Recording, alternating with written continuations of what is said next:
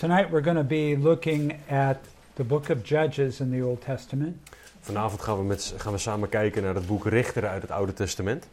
Judges is the book right after the book of Joshua. Richteren komt direct na het boek Jozua. Sometimes when you're reading through the Bible, Genesis to Revelation, you come to Judges and it's kind of a shock. Wanneer je de Bijbel van voor naar achteren, van Genesis tot Openbaring leest en je komt bij Richteren aan, kan Richteren als een schok overkomen. It's a story of, it's a record of the people of Israel progressively getting worse and worse spiritually. Het is eh, een historisch verslag van hoe, de, hoe het volk Israël ehm, steeds progressief of steeds slechter wordt door de tijd heen. God had given them warnings to not compromise with the gods of the nations that surrounded them. En God had ze gewaarschuwd om geen compromissen te sluiten met de goden van de landen om hen heen, van de volken om hen heen. But after Joshua's generation died off, then it seemed that they began to wander and to wander progressively. En nadat de generatie ehm, vanaf die, met, die Jozua gezien had ehm, overleden was, leek het erop alsof ze steeds eh, verder afdwaalden van God. The enemies that were still within the land began to take over the property that they had lost.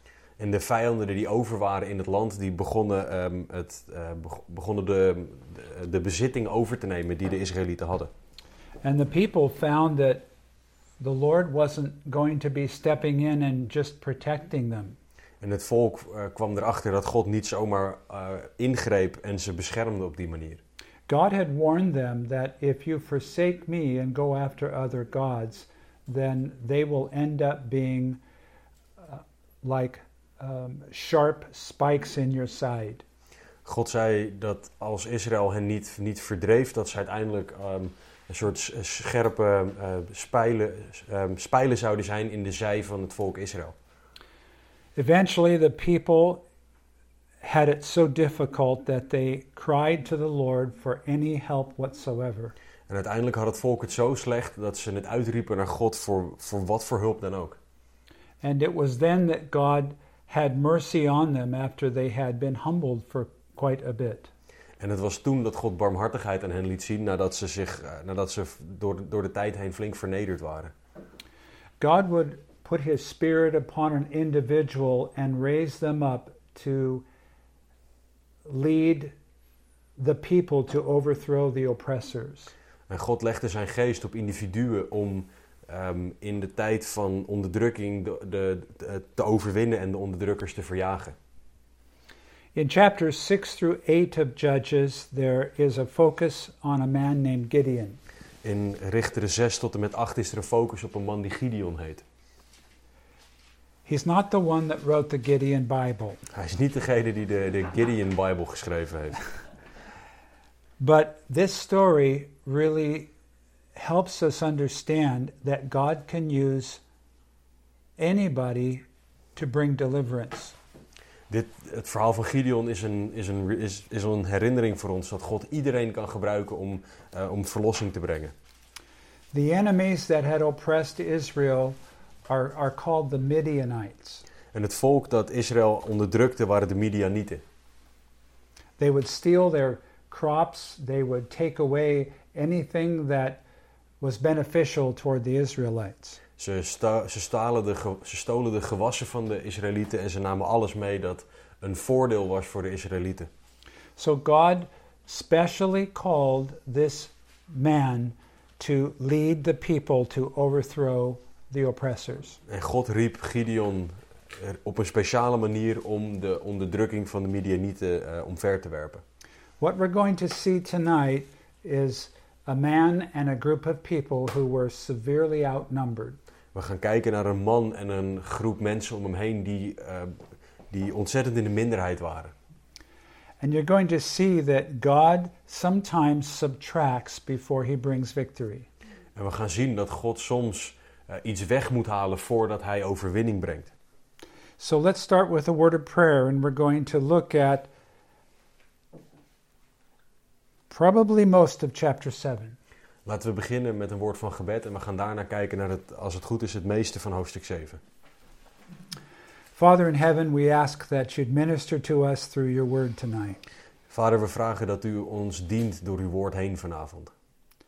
We pray, Lord, that we would hear your voice speaking to our hearts. We bidden dat, u, dat, dat we uw stem zullen horen spreken tot onze harten vanavond. We thank you that this is still in the scriptures and we can learn from it. We danken u dat dit in, in uw woord staat en dat we hiervan mogen leren. So, Lord, we acknowledge you in our time in Jesus' name. We, Amen. we erkennen u in onze tijd vanavond in Jezus' naam. Amen. I'm going to read the first three verses in English, and then Casper will read uh, the three verses in Dutch. Laten we de, Bob zal de eerste drie versen in het, in het Engels lezen, daarna zal ik de versen in het Nederlands lezen. Then Zerubbabel, that is Gideon, and all the people who were with him, rose early and encamped beside the well of Herod, so that the camp of the Midianites was on the north side of them by the hill of Morah in the valley. And the Lord said to Gideon, The people who are with you are too many for me to give the Midianites into their hands, lest Israel claim glory for itself against me, saying, My own hand has saved me. Now therefore, proclaim in the hearing of the people, saying, Whoever is fearful and afraid, let him turn and depart at once from Mount Gilead. And 22,000 of the people returned, and 10,000 remained. Toen stond Jerubaal, dat is Gideon, vroeg op met al het volk dat bij hem was. Zij sloegen hun kamp op bij de bron Harod, terwijl het kamp van de Midianieten ten noorden van hem lag, achter de heuvel Moren in het dal. En de Heere zei tegen Gideon, het volk dat bij u is, is voor mij te talrijk om Midian in hun handen te geven. Anders zou Israël zich tegen mij kunnen beroemen en zeggen, mijn eigen hand heeft mij verlost. Welnu, laat toch ten aanhoren van het, uh, roep toch ten aanhoren van het volk, laat wie bevreesd is en beeft terugkeren en zich naar het gebergte van Gilead haasten. Toen keerde er uit het volk 22.000 man terug, zodat er 10.000 overbleven. Now you have to admit, a gathering of 32,000 uh, men of Israel to try to fight against the Midianites was a sizable number. En je moet toegeven dat een, dat een leger van 32.000 man om tegen de Midianieten te vechten, dat dat toch wel een substantieel aantal was. But we find in chapter 8, verse 10, that there were 132,000 Midianites gathered.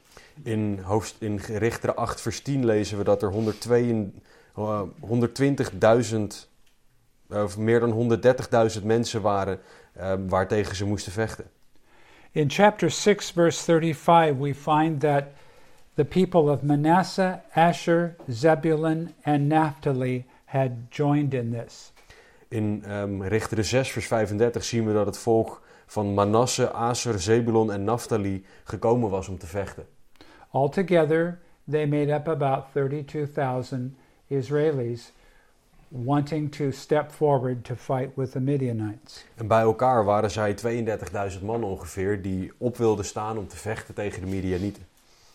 So you have 135,000 coming against 32,000.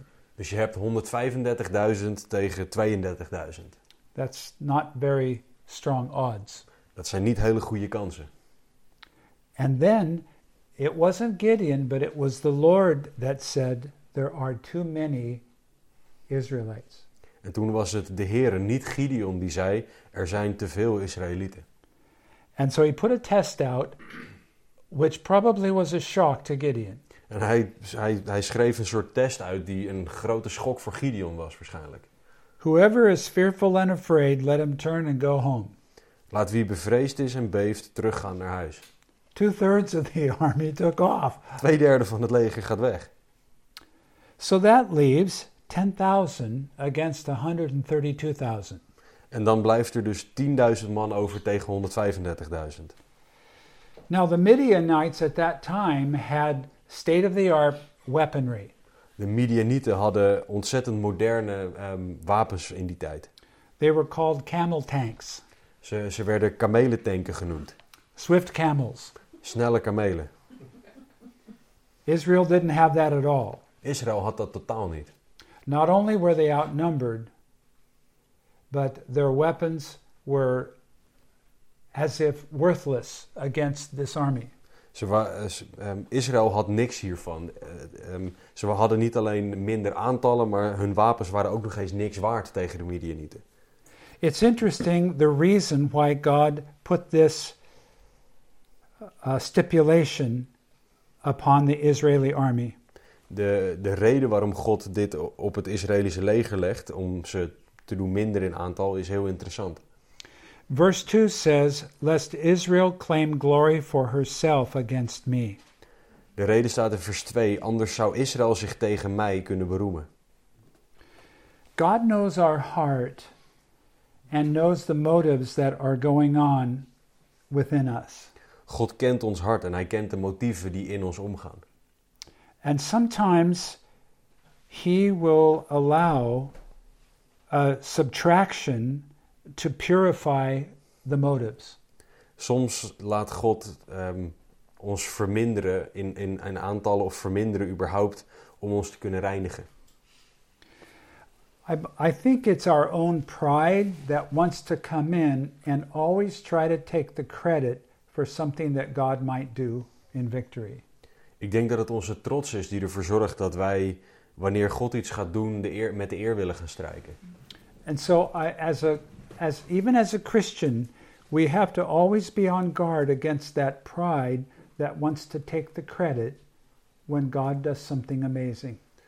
Ook als christenen moeten we ehm, alert zijn tegen trots ehm, wanneer God beweegt dat wij niet met de eer gaan proberen te strijken. God saw that the outcome of victory would lead to Israel claiming glory for themselves. God zag dat ehm, de uitkomst met een, met een groot leger eh, zou zijn dat Israël de glorie voor zichzelf zou opeisen. We want the Lord to be victorious in our life, don't we? We willen allemaal dat de Heer overwint in onze levens, toch?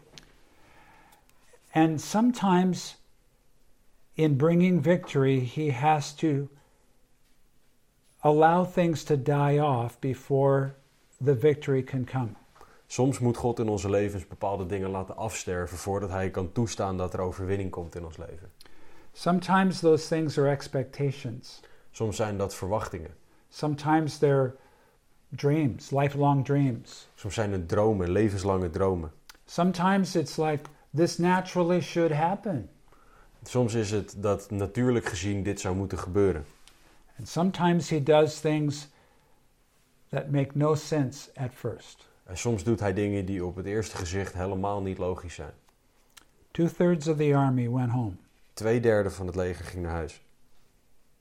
You think the other 10,000 would be more terrified than those that left. Je zou denken dat, die, dat, dat diegenen die, die achterbleven uiteindelijk nu nog banger waren dan degenen die teruggingen naar huis. But the Lord wasn't done. Maar de Heer was nog niet klaar. In verse 4, Vers 4. verse 4 to verse 8, I'll read it and we'll catch, catch the whole context and then have Casper read it in Dutch. Ehm, But the Lord said to Gideon, The people are still too many. Bring them down to the water, and I will test them for you there. Then it will be that of whom I say to you, This one shall go with you, the same shall go with you. And of whomever I say to you, This one shall not go with you, the same shall not go. So he brought the people down to the water. And the Lord said to Gideon, Every one who laps from the water with his tongue, as a dog laps, you shall set apart by himself. Likewise, every one who gets down on his knees to drink. And the, and the number of those who lapped, putting their hand to their mouth, was 300 men. But all the rest of the people got down on their knees to drink water.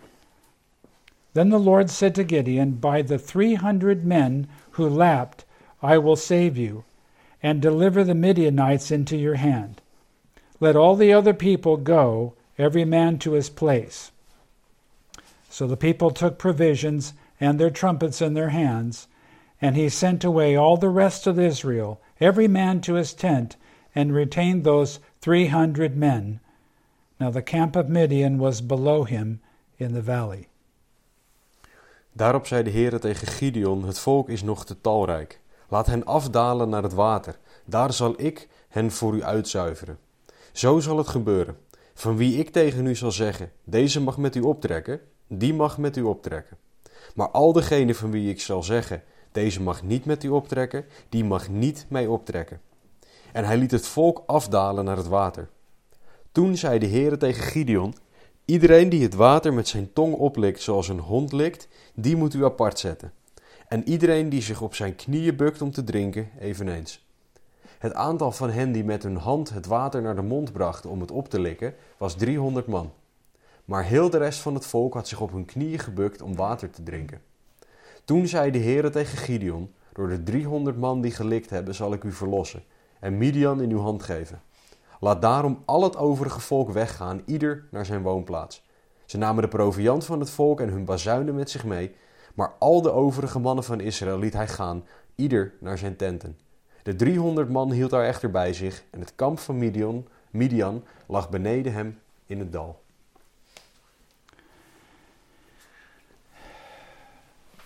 Even though the fearful had left, God still saw the hearts of all 10,000. Ondanks dat de, uh, de angstigen weg waren gegaan, zag God nog steeds de harten van degenen die waren gebleven. And he saw there were still wrong motives and wrong attitudes in the heart of most of the people. En hij zag nog steeds verkeerde motieven en verkeerde houdingen in de harten van degenen die achterbleven. I find it amazing that you don't hear Gideon arguing with the Lord. Ik vind het heel bijzonder dat je Gideon niet hoort discussiëren met God. You know, when the odds are when the odds are so ridiculous, it just doesn't matter. You know, by that time. Als de kansen zo slecht zijn, dan maakt het eigenlijk ook niet meer uit tegen die tijd. But Gideon had learned to really follow the Lord and trust him when it didn't make sense. Gideon had echt geleerd om de Here te volgen en naar hem te luisteren, ook als het op geen enkele manier logisch was. Because God sees differently than man sees. Want God kijkt op een andere manier dan dat wij mensen kijken. He didn't argue with the Lord over this. Hij ging niet met de Heer in discussie. He simply believed and obeyed. Hij geloofde en hij gehoorzaamde.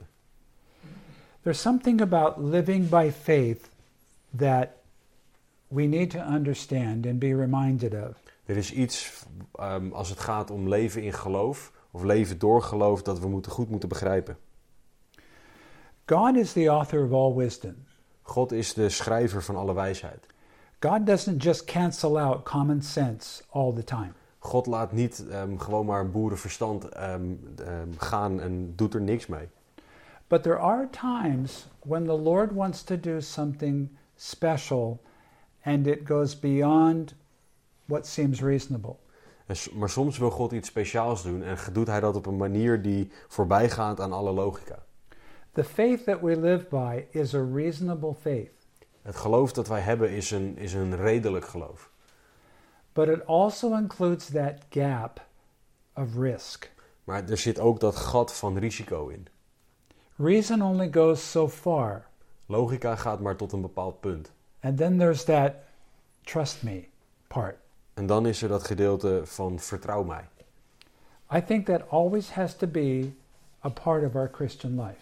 Ik denk dat dat altijd een deel moet zijn van ons christelijk leven. Because as, as smart as we think we are, we're not that smart. Want hoe slim we ook denken te zijn, we zijn niet zo slim. Notice that the Lord said, I will test them there in verse 4. In vers uh, 4 zegt, um, ik, zal, ik zal hen testen. The word test comes from the Hebrew word that means to refine metals. Het Hebreeuwse woord dat gebruikt wordt voor uitzuiveren heeft het idee van het, het reinigen van metalen. The Lord was going to sift the impurities to the top. De Heere zou de, zou de onreinheden naar boven laten komen. 300 men were the only ones out of 10,000 that knelt down and took water in their hands and drank out of their hands. Van de 10.000 waren er 300 die neerknielden en met, het, met hun hand het water naar hun mond brachten. The rest of them got down on their hands and knees and stuck their face in the water. De rest van hun die ging op hun handen en voeten zitten, handen en knieën zitten en stak hun gezicht in het water. Maybe they were hot, maybe they were tired. Misschien waren, was het warm, misschien waren ze moe. but it made manifest a problem with the majority of them. Maar het liet heel duidelijk een, een probleem zien met de meerderheid van hen. The text doesn't say what the real problem is, but personally, I think it has to do with the lack of vigilance. Uh, de tekst zegt niet letterlijk wat het probleem is, w- wat God hier aanwijst, maar ik denk dat het te maken heeft met een gebrek aan vigilance, What's vigilance in Dutch? Oplettendheid? oplettendheid, ehm, scherp zijn, Ja. zoiets. Yeah, the the 9700 showed a lack of carefulness which kind of showed a deeper problem in their life De, under the circumstances. de 9700 lieten een bepaalde. ehm, li- lieten zien dat ze, dat, dat ze niet zo alert waren als, de, als die 300 en dat liet een dieper probleem zien. They were not taking seriously the enormity of what was about to happen. Ze lieten zien dat ze eigenlijk niet serieus namen eh, en eh, de grote situatie waar ze zich in bevonden. When the enemy is all around you, you don't stick your head in the water. Als de vijand al, overal om je heen is, dan steek je je hoofd niet in het water. So bringing the water up to your hand would make you still aware of what's going on. En als je dan het water met je hand naar je mond brengt, dan kan je nog steeds om je heen kijken en bewust zijn van wat er gebeurt. And as I was reading this, I was thinking about a spiritual principle that's still true. Terwijl ik dit aan het lezen was, dacht, moest ik denken aan een, aan een geestelijk principe dat nog steeds waar is.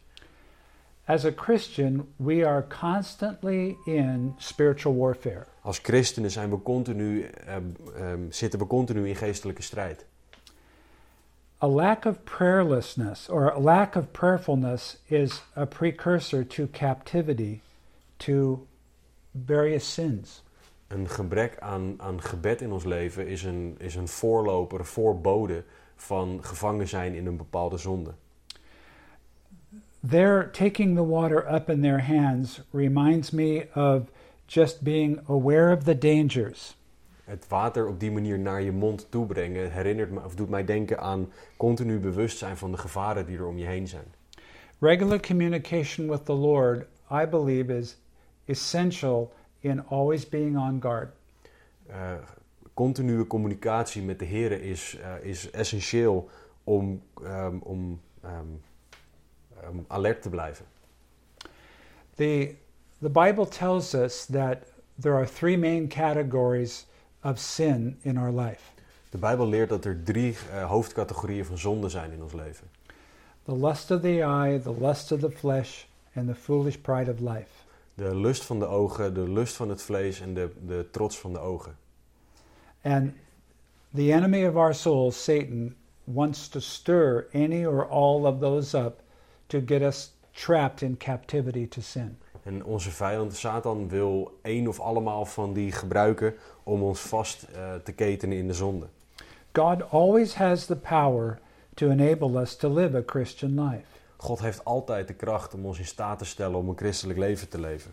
But when spiritual slothfulness overtakes our lives, we don't reach out and receive all He has for us. Als geestelijke luiheid de overhand neemt, dan zullen wij niet van hem ontvangen wat hij daadwerkelijk voor ons heeft. I wonder what the 300 men were thinking at this time. Ik vraag me af wat deze 300 mannen dachten op dit moment. This would be like a death march. Dit was gewoon een, een, een mars van de doden. 135,000 against 300. 135.000 tegen 300.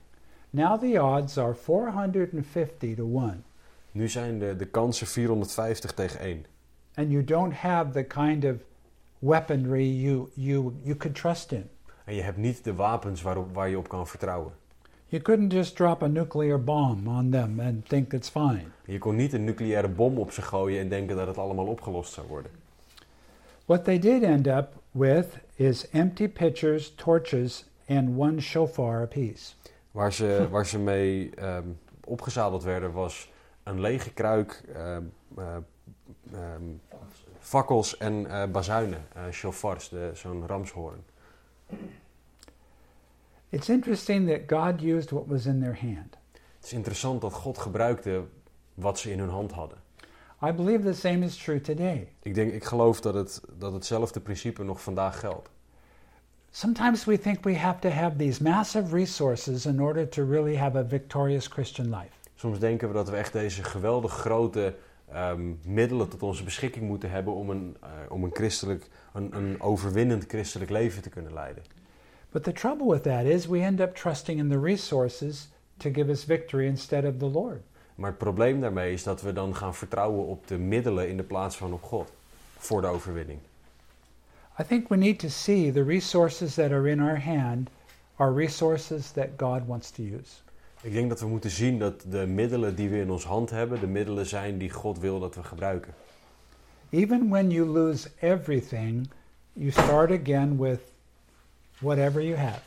Zelfs als je alles verliest, dan kan je opnieuw beginnen met dat, met dat wat je hebt. And God is able to use the simple things, the things that we count as maybe not important, and He'll use them in the victory process. En God kan dat gebruiken wat wij zien als niet, niet toereikend ehm, voor zijn overwinningsproces. I think of the, the, the little half penny that the widow cast into the treasury in front of Jesus. Je moet denken aan de, de, de, het pennetje dat de weduwe ehm, in, de, in de schatkist gooide, gooide vlak voor Jezus. Jesus said she cast in all that she had. Jezus zei dat zij alles in die, in, in, in die, in die bak gooide wat ze had. I think the main lesson is we have to take what we have and really entirely commit it to the Lord. Ik denk dat de les is dat we alles eh, wat we hebben aan God moeten, moeten toewijden en eh, het daarmee moeten doen. Let's continue. let's continue on. Laten we doorlezen.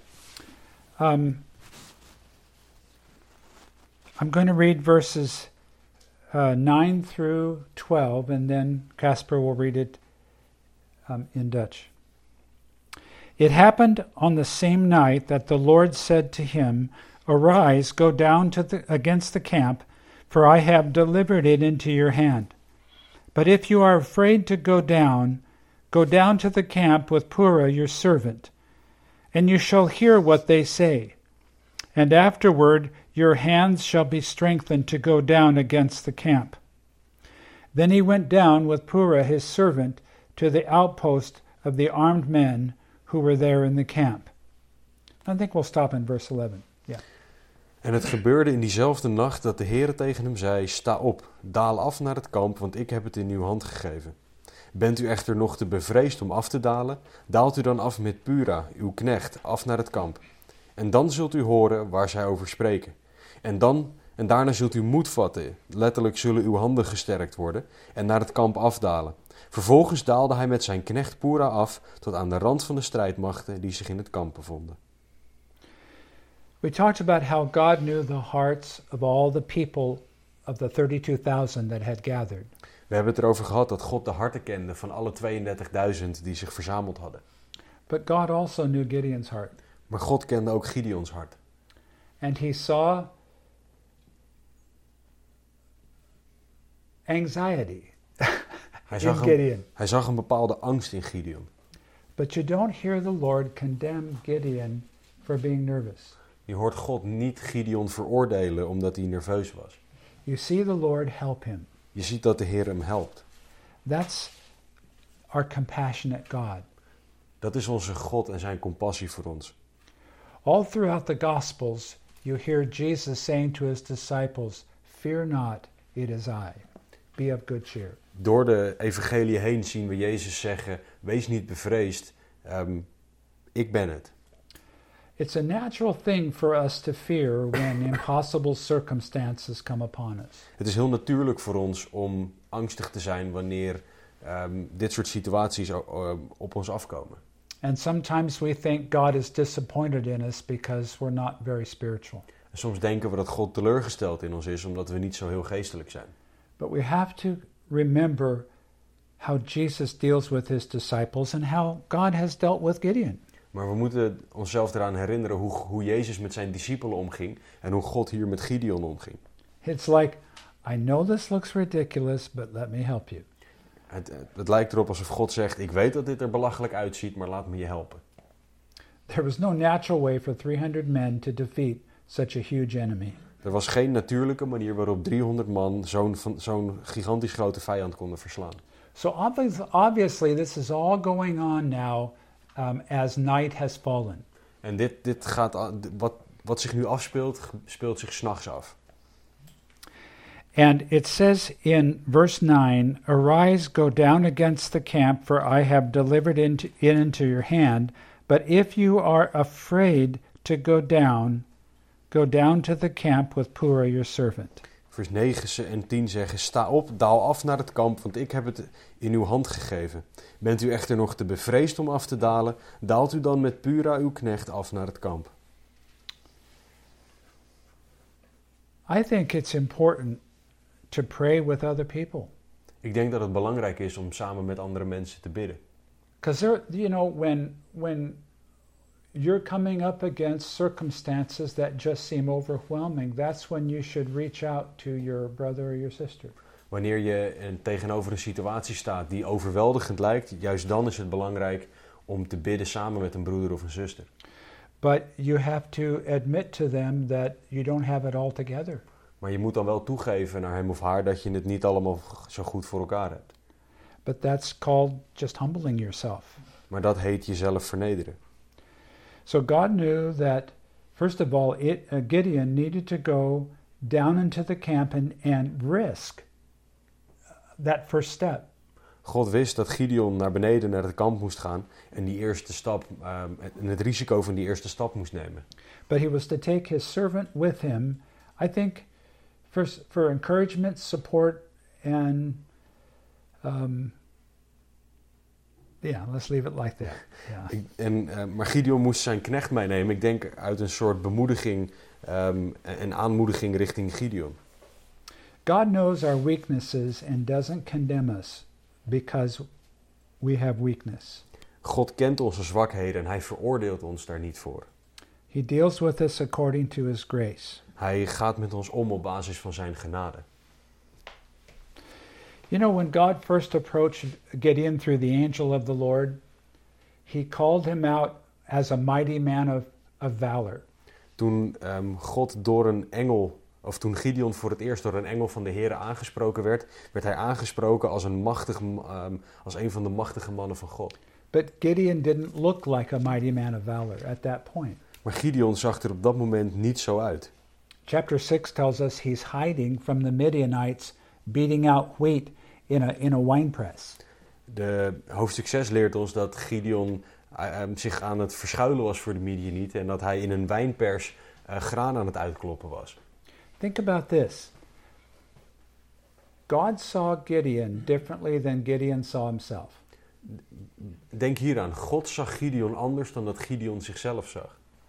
God called Gideon a name that he would build into Gideon. God noemde Gideon bij een naam die God in hem zou gaan opbouwen. The same thing happened with Simon Peter. Hetzelfde gebeurde met Simon Petrus. When you look at Peter through the Gospels, you see a man that kept putting his foot in his mouth. Als je door naar de evangelie kijkt, dan zie je iemand eh, met een hele grote mond. In het, in, eh, in, het, in, het, in het geval van Petrus. It's amazing to study the times that Jesus called him Peter. Het is interessant om te kijken naar de momenten dat Jezus hem Petrus noemde. It was only three times. Het was maar drie keer. The rest of the times he called him Simon. De rest van de tijd noemde hij hem Simon. But the very first time he met him, he said, You are Cephas, which is Aramaic for Peter. Same. De eerste keer dat hij hem ontmoette, noemde hij hem Kefas, wat Aramees is voor, voor, voor Petrus. It's as if Jesus is saying, I know you're Simon, but I know what I'm going to make you. Het is alsof Jezus tegen hem zei: Ik weet dat je Simon bent, maar ik ga je Petrus maken. The second time that Jesus called him Peter was after Simon Peter had made that profession, You are the Christ, the Son of the living God. De tweede keer dat Jezus hem Petrus noemde, was nadat hij ehm, beleden had dat Jezus de, de zoon van God was, de Christus, de zoon van God. The third time, I'm pretty sure it was the third time, he called him Peter is that when he was going to deny the Lord three times. Ik ben er vrij zeker van dat de derde keer dat Jezus hem Petrus noemde, dat de keer was dat eh, Petrus hem zou, drie keer zou gaan verloochenen. God knows what he wants to build in each of us. God weet wat hij in ons allemaal wil opbouwen. And to me, it seems like he has a name for us that represents what he wants to do in us. En het- ziet er voor mij uit alsof God een naam voor ons heeft die wijst op wat God in ons wil gaan doen. You know, in the book of Revelation, it says, He that overcomes, I will give to him a name that no one knows except the one who receives it. In het boek Openbaring zegt Jezus dat hij een naam aan een ieder van ons zal geven die niemand kent behalve hij die de, behalve hij die de naam ontvangt. When we meet the Lord, our journey is over, Wanneer we de Heer ontmoeten is onze reis voorbij. and our life will represent what God has done in our life. En ons leven zal laten zien wat God in ons leven gedaan heeft. God knows what He wants to do in your life and in my life, God weet wat hij in jou en mijn leven wil doen. and He's got a plan for us, En hij heeft een plan voor ons. and we haven't seen all of it yet. En we hebben daar nog lang niet alles van gezien. But it will unfold as the time goes by. Maar het zal zich ontvouwen door de tijd heen. Let's go on. Laten we doorgaan. verses um, 13 to 15. Verse 12 to 15, sorry. Now the Midianites and Malachites, all the people of the east, were lying in the valley as numerous as locusts, and their camels were without number as the sand by the seashore in multitude. And when Gideon had come, there was a man telling a dream to his companion. He said, I've had a dream. To my surprise, a loaf of barley bread tumbled into the camp of Midian. It came to a tent and struck it so that it fell and overturned, and the tent collapsed. Then his companion answered and said, This is nothing else but the sword of Gideon, the son of Joash, a man of Israel. Into his hand God has delivered Midian and the whole camp. And so it was when Gideon heard the telling of the dream and its interpretation that he worshiped. Let's just stop right there. En Midian en Amalek en al de mensen van het oosten lagen in het dal, zo talrijk als sprinkhanen. En hun kamelen waren ontelbaar, zo talrijk als de zandkorrels die zich aan de oever van de zee bevinden. Toen Gideon daar aankwam, zie, toen was er een man die zijn metgezel een droom aan het vertellen was. Hij zei, zie, ik heb een droom gehad en zie, een geroosterd gerstebrood rolde het kamp van Midian binnen. Het kwam tot bij de tent, sloeg er tegenaan, zodat hij omviel, en keerde hem ondersteboven, en daar lag de tent. En zijn metgezel antwoordde en zei: Dat is niets anders dan het zwaard van Gideon, de zoon van de Israëlitische man Joas. God heeft Midian en heel dit kamp in zijn hand gegeven. En het gebeurde toen Gideon het verhaal van de droom en zijn uitleg had gehoord, dat hij zich in aanbidding neerboog. It's interesting that Gideon would have never heard this if he hadn't obeyed the Lord's command. Het is interessant dat Gideon dit niet gehoord zou hebben als hij niet ehm, geluisterd had naar het bevel van de Heer. It reminds me of how important it is just to follow what the Lord's word says, even though you're fearful or don't understand. Het, het, het doet mij eraan, eraan denken dat we moeten gehoorzamen wat het woord van God zegt, ook als we angstig zijn en, eh, ehm, ehm, en het soms niet altijd, eh, niet altijd logisch is. Gideon first had to obey the instructions, then he found the proof. Gideon moest eerst de instructies volgen, daarna vond hij het bewijs. And the great part about this is that right as soon as he saw the confirmation, he worshiped. En het mooie is dat op het moment dat hij de bevestiging kreeg, hij ging aanbidden. Notice where he worshiped. Ah, Valt het je op waar hij ging aanbidden? He was right next to the camp of the enemy. Hij zat vlak naast het kamp van de vijand. You know, when God does something special in your life, it probably will be in, in the middle of the trial that you're in. Wanneer God iets bijzonders gaat doen in je leven, zal het vaak midden in de moeilijke situatie zijn waarin je zit. It's not that you have to run to church to get the, to get the answer. Het is niet zo dat je naar de kerk moet rennen om je antwoord te krijgen. He'll give you the answer in the midst of your situation. Hij zal je het antwoord geven midden in de situatie waarin je zit. And it's really important that when He does give you the answer, that you worship at that point. En het is heel belangrijk dat, dat op het moment dat hij je het antwoord geeft, dat je op dat moment hem gaat aanbidden. Sometimes putting it off lessens the significance of what just happened. Soms wanneer we het uitstellen, die, die aanbidding, dan doet het af aan de significantie of de grootte van wat God gedaan heeft. No matter where we are, I think it's a, a good reminder just to worship the Lord when He breaks through and brings that victory. Ehm, waar we ook zijn, het is goed om, om eraan herinnerd te worden dat we ehm, God moeten aanbidden wanneer hij ergens doorheen breekt. I remember a time where I was having difficulty getting victory, being angry at someone who had caused division in our church. Ik herinner me een tijd waarin ik moeite had om niet boos te zijn op iemand die verdeeldheid had gebracht in onze kerk. It surprised me of how upset I was. Ik was verbaasd door hoe boos ik was. I tried to force a reconciliation by sending him an email. Ik probeerde verzoening ehm, voor elkaar te krijgen door hem een e-mail te sturen. And so I started the email Dear Ken, drop dead. Ik begon de e-mail met ehm, lieve Ken, val dood. I knew I wasn't over it yet. Ik wist dat ik er nog niet helemaal overheen was. And the Holy Spirit brought to my remembrance the words of Jesus Bless those who curse you, do good to those who do evil to you, pray for those who despitefully use you and persecute you. Ik moest denken aan de woorden van Jezus. Wees goed voor hen die, die kwaad aan je doen. Would you mind repeating the second and third of those? No, if you don't get it, yeah, I'm sorry. Do good to those who do good to you. Zegen degene die je vervloeken. Zoiets. Bid bid voor degene bid voor degene die. Wat zij zeggen.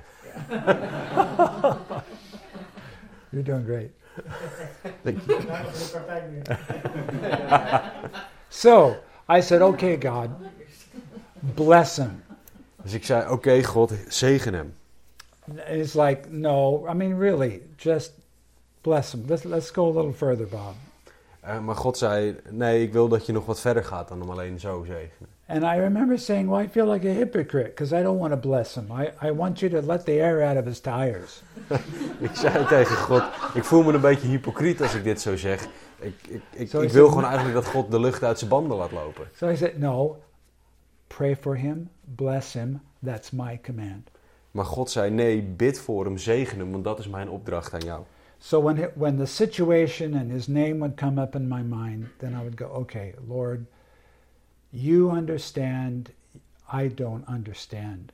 And so I'm following you by faith. En wanneer de situatie of zijn naam opkwam in mijn gedachten, dan zei ik tegen de Heer, oké, ik begrijp het niet, maar u hebt alles in de hand. I'm saying it took a few weeks, Ik, zeg, ik kan je vertellen, het, het kostte een aantal weken. but I remember the intersection and the red light that I was at where it all changed.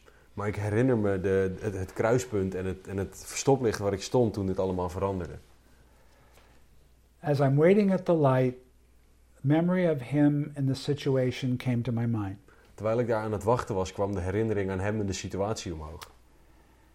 And I said, Lord, please, just work in his life, bless him, take care of his family. Do whatever you need to do to help him along. Ik zei tegen de Heer, zegen hem, zegen zijn familie, ehm, doe hem groeien, laat, laat, doe alles wat, wat, wat nodig is om hem verder te, te helpen. And I found that I wasn't angry with him anymore. En ik, ik, ik merkte dat ik niet meer boos op hem was. And then I quickly thought, maybe I should go over all the things he did against me just to see if I'm really okay. Misschien moet, ik, ik dacht, misschien moet ik nog eens nagaan wat hij nou allemaal tegen me gedaan heeft. Om te kijken of ik nog wel echt boos ben. And it's one of those times the Holy Spirit said, Don't you dare. Het was een van de weinige keren, of een van de keren dat de Heilige Geest tegen me zei, dat moet je echt niet doen. And it's like, wow, this works. En ik had echt zoiets van, wauw, dit werkt. So I went back to my office Dus ik ging terug naar mijn kantoor and I wrote him an email. en ik schreef hem een e-mail. And it was a nice one. En het was een aardige e-mail. And I asked if we could meet one more time just to pray together, even though we had difference, differences of opinion. En ik vroeg hem of we nog één keer samen konden komen om te bidden, ondanks dat we verschillen van mening hadden. And so he, he ended up coming into the office, and we had a chance to pray together, but he, he had no change in his attitude toward me. Eh, uiteindelijk zijn we nog een keer samengekomen. We hebben samen gebeden, maar er was geen verandering in zijn houding richting mij. So when he left the office, I, I just felt like, you know, okay, that's, I'll just leave it alone. En toen hij mijn kantoor uitliep, had ik zoiets van: oké, ik zal het nu al- alleen laten. Ik zal het met rust laten. Not everyone you pray for is going to turn out the way you would like. Niet iedereen voor wie je bidt zal, zal, zal, zal mee gebeuren wat, je, wat jij graag wil. But the important thing is that your heart is set free. Maar het belangrijkste is dat jouw hart vrijgezet wordt. And there's no way your heart is going to be set free unless you follow what Jesus said er in is, that way. op geen enkele manier zal je hart vrijgezet worden, tenzij je Jezus volgt op zijn manier. It's been said that the person who holds bitterness and resentment in their heart is one like drinking poison and expecting the other person to die. Het, het, het is gezegd dat als je bitter in, bitterheid in je hart vasthoudt, dat, je het zelf, dat, je dat jij gif, vergif drinkt en verwacht dat de ander dood neervalt. That's a step of faith on is our part Dat is een stap in geloof aan onze kant. because things can hurt very deeply. Want dingen kunnen je heel diep kwetsen. Let's finish out this section. Laten we dit gedeelte afmaken.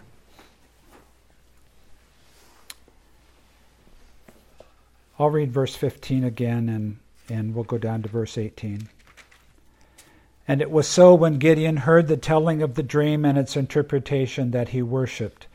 He returned to the camp of Israel and said, Arise, for the Lord has delivered the camp of Midian into your hand. Then he divided the three hundred men into three companies, and he put a trumpet into each man's hand with empty pitchers and torches inside the pitchers. And he said to them, Look at me and do likewise.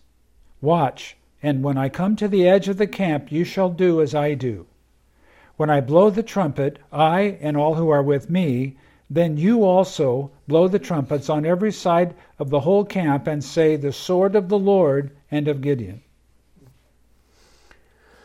En het gebeurde toen Gideon het verhaal van de droom en zijn uitleg had gehoord, dat hij zich in aanbidding neerboog. Hij keerde terug naar het kamp van Israël en zei: Sta op, want de Heere heeft het kamp van Midian in uw hand gegeven. Toen verdeelde hij de 300 mannen in drie groepen en hij gaf iedereen een bazuin en lege kruiken in de hand met fakkels binnenin de kruiken. En hij zei tegen hen: Kijk naar mij en doe net zo. En zie, als ik aan de rand van het kamp ben gekomen, dan moet het zo zijn dat u doet zoals ik doe.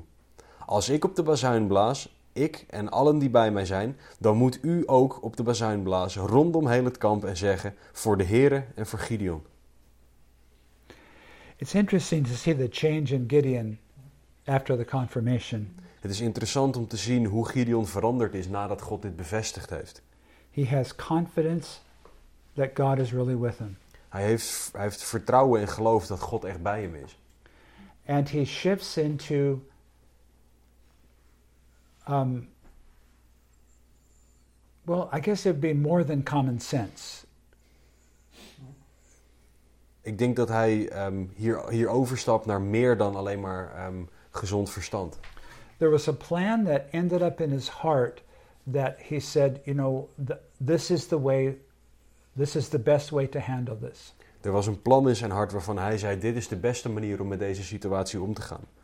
god there's no record of god telling him specifically that this is the plan you're supposed to follow We- er staat hier nergens dat, dat God hem dit plan gaf en dat, dat God zei: Dit is wat je moet doen.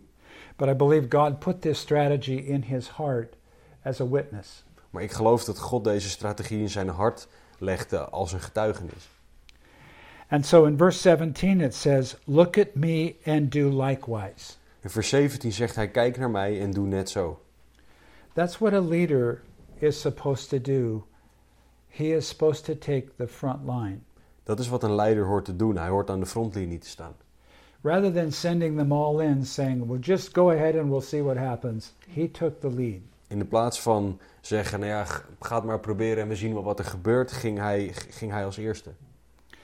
If the if a church leader isn't prayerful, then the odds are the congregation won't be as well as Als- a whole. Als een, als een kerkleider niet, eh, niet vol is van gebed, dan is de kans groot dat zijn kerk dat ook niet is. If a church leader is not willing to take steps of faith, it's going to be likely that the congregation will he be hesitant to take steps of faith as well. Als de kerkleider niet bereid is om stappen in geloof te zetten, dan is, zal de kerk zelf ook eh, aarzelen om stappen in geloof te zetten. And so here in verse 17 and 18 is Gideon really setting the pattern for how the people were to follow. In vers 17 en 18 zien we dat Gideon eh, het patroon, de blauwdruk neerlegt voor wat het volk moest doen. You know, Paul the Apostle said that when he said to the Corinthians, uh, Imitate me as I also follow Christ. Paulus, de de apostel Paulus eh, deed hetzelfde toen hij zei: Volg mij zoals ik Christus navolg. So, those of you here that are in church leadership, you need to take, you need to lead um, and not just expect people to, to do it um, on their own. You need to lead. Voor jullie die kerkleiders zijn, jullie moeten ehm, het, het goede voorbeeld geven en niet, eh, jullie moeten leiden en niet verwachten dat mensen in de kerk het gewoon zomaar gaan doen. You first get your vision and instruction from the Lord, and then you lead your family and your ministry and your church accordingly. Je krijgt eerst de visie en de leiding van de Heer. Daarna mo- moet je je kerk, je familie en, en, en anderen leiden, eh, zoals God dat duidelijk maakt. Even teaching the children in, in Sunday school, um, it's important to be spiritually ready before you enter that responsibility. Zelfs het onderwijzen van de kinderen in de zondagschool is iets waar je geestelijk klaar voor moet zijn voordat je aan die verantwoordelijkheid begint. It's important even for the greeters of pe- new people coming into the church service to be prayed up before the church service starts. Het is belangrijk dat, dat mensen die, die anderen groeten voordat ze binnenkomen, of bij, bij binnenkomst, dat zij, ehm, dat zij gebeden hebben voordat ze beginnen met dienen. Sometimes people come into church and they've had the worst week of their life, Soms komen mensen naar de kerk en hebben ze de slechtste week van hun leven gehad. Or they've had a really terrible family argument in the car as they walk in toward the door. En so- soms hebben ze een hele heftige familiediscussie gehad terwijl ze eh, in de auto eh, onderweg naar de kerk. It's amazing how we can switch coming out of the car and walking into the doors with a smile on our face like heaven's just smiled on us. Het is bijzonder hoe we, hoe we kunnen veranderen van het een op het andere moment wanneer we uit de auto stappen, alsof de hemel naar ons geglimlacht heeft. But you can see it on the kids' faces. Maar je kan het op de gezichten van de kinderen kan je het zien. Their eyes are wide and they're terrified Hun because their ogen life zijn, has just been threatened. hun, ogen zijn zo groot en eh, hun, hun, hun leven is net bedreigd zo'n beetje. But many times, that person in that place of greeting is at a point where they can turn the whole thing around for that person. Maar ehm, degene die, die, die groet en daarvoor gebeden heeft, die kan de situatie omdraaien voor degene die op zo'n manier binnenkomt. Sometimes the best thing you can do in that position is to say, Would you mind if I just prayed for you for a bit? En soms is het beste wat je kan doen in, in die situatie, is dat je tegen iemand zegt, vind je het ergens of vind je het goed als ik voor je bid? And you just put, you know, you put your hand on their shoulder and just just pray for them. Je legt je hand op je schouder en je bidt gewoon voor ze. I think it's an important part of the church life is even the greeters, even though it seems insignificant. Ik denk dat het een belangrijk onderdeel is van het christelijk leven. Ook voor de, voor de mensen die, die, die, die mensen begroeten die binnenkomen. Het lijkt misschien niet belangrijk, maar het is heel belangrijk. Let's continue on, verse 19. Laten we doorgaan met vers 19. So Gideon and the hundred men who were with him came to the outpost of the camp at the beginning of the middle watch, just as they had posted the watch, and they blew the trumpets and broke the pitchers that were in their hands. Then the three, three companies blew their trumpets and broke the pitchers. They held the torches in their left hands and the trumpets in their right hands for blowing. And they cried, The sword of the Lord and of Gideon, and every man according to his place all around the Midianite camp. And the whole army ran and cried out and fled. Then the three hundred blew the trumpets. Uh, when the three hundred blew their trumpets, the Lord set every man's sword against his companion through the whole camp, and the army fled to Beth Acacia toward Zererah, as far as the border of Abel Maholath by Tabbath. You just have to have been there to know those names. Zo kwam Gideon met de honderd mannen die bij hem waren bij de rand van het kamp. Het was aan het begin van de middelste nachtwaken, net nadat zij de, nacht weer hadden op, de wacht weer hadden opgesteld. Toen bliezen zij op de bazuinen en sloegen de kruiken die in hun hand waren eh, in stukken. Ze bliezen, zo bliezen de drie groepen op de bazuinen en braken de kruiken. Met hun linkerhand hielden zij de fakkels vast en met hun rechterhand de bazuinen om daarop te blazen. En zij riepen het zwaard van de heren en van Gideon. En zij stonden rondom het kamp, ieder op zijn plaats. Toen ging heel het kamp op de loop. Ze schreeuwden het uit en vluchtten weg. Toen de driehonderd op de bazuinen bliezen, richtte de heren het zwaard van de een tegen de ander en dat in heel het kamp. En het leger vluchtte naar Betsitta in de richting van Zeher, eh, Se- Serera tot aan de oever van Abel Mehola boven Tabbat. Very good. when I read this section, I see the Lord's strategy, although he didn't tell Gideon what he was going to do. Als ik dit gedeelte lees, dan zie ik de strategie van de heren, ondanks dat hij niet tegen Gideon had verteld wat hij ging doen. He caught them in their darkness. Hij, hij, hij, hij pakte ze in hun duisternis.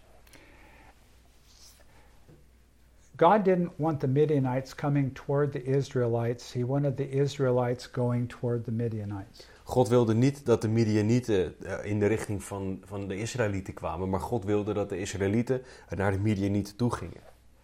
And what Gideon did in surrounding with the a hundred men here with torches and a hundred men here with torches and a hundred men here with torches, as well as the sound of those shofars going off, 300 shofars, boom, boom, boom. It just seemed like an echo down into the valley. It just would seem like we are, you, know, they've hired, uh, you know, nations around to come and deal with it.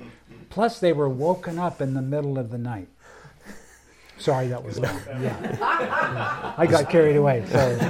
De, de strategie van de heren met 100, ma- met 100 man op de drie verschillende plekken, die de shofars, 300 shofars, ramshorens gingen blazen op de drie verschillende plekken, wat galmde door het, hele, door het hele kamp. Dat leek erop alsof ze een heel machtig volk, een machtig leger hadden ingehuurd voor deze strijd.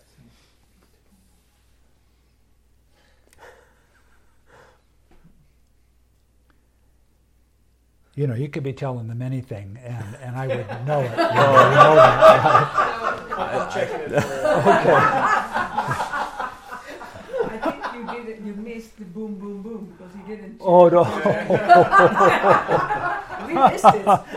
that's boom, boom, boom. Yeah, Just like poverty. you mean. yeah, yeah, yeah, yeah.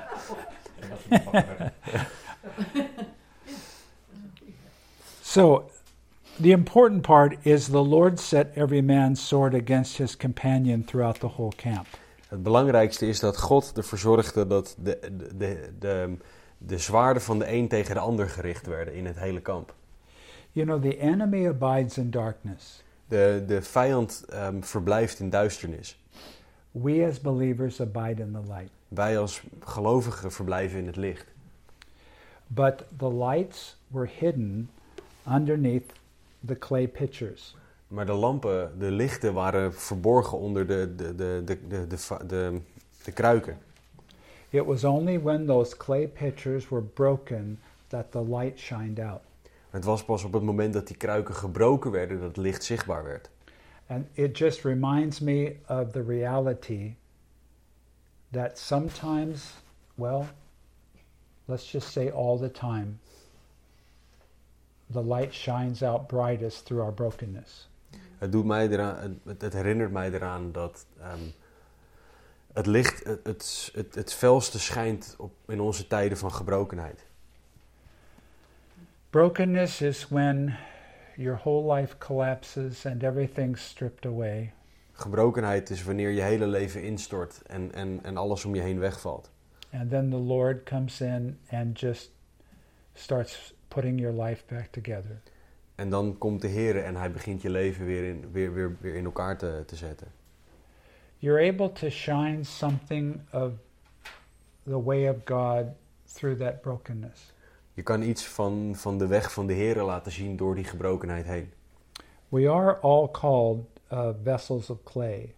Wij worden in het woord ehm ehm, aardewerken vaten genoemd. And um, we don't like going through brokenness, En we houden er niet van om door gebrokenheid heen te gaan. but it's really essential in growing us up as a Christian. Maar het is essentieel om te groeien als christen. Those trials are to make us more mature, not to destroy us. Deze moeilijke periodes zijn er om ons te doen groeien, niet om ons kapot te maken. One more thing and then I'll quit. Nog één ding en dan, en dan hou ik ermee op. Verse 23 and 24. And the men of Israel gathered together from Naphtali, Asher, and, and all Manasseh and pursued the Midianites. Then Gideon sent messengers throughout all the mountains of Ephraim, saying, Come down against the Midianites and seize them there, or from them, the watering places as far as Bethbara and the Jordan. Then all the men of Ephraim gathered together and seized the water places as far as Bethbara and the Jordan. Vers 23 en 24. Toen werden de mannen van Israël bijeengeroepen uit Naphtali, uit Aser en uit heel Manasse en zij Midian achterna. Ook stuurde Gideon boden door heel het bergland van Ephraim om te zeggen: Daal af, Midian tegemoet en ontneem hun de doorwaadbare plaatsen tot aan Betbara en de Jordaan. Zo werden alle mannen van Ephraim bijeengeroepen en zij ontnamen hun de doorwaadbare plaatsen tot aan Betbara en de Jordaan. The question is why didn't Ephraim come in the first place? De vraag is: waarom kwam Ephraim niet vanaf het begin al? And yet they were encouraged to come and follow up the initial attack. En toch werden ze aangemoedigd om te komen om de eerste aanval op te volgen.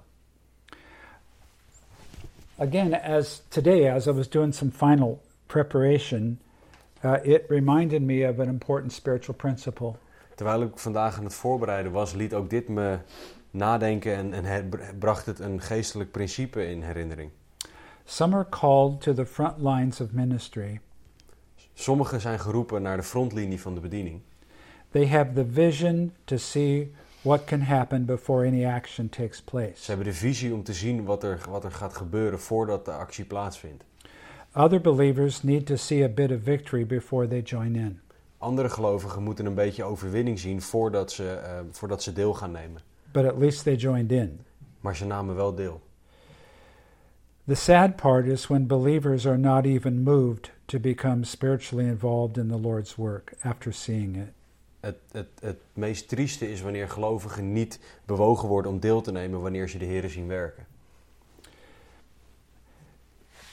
In American history, there was that season when a lot of pioneers were coming west across America.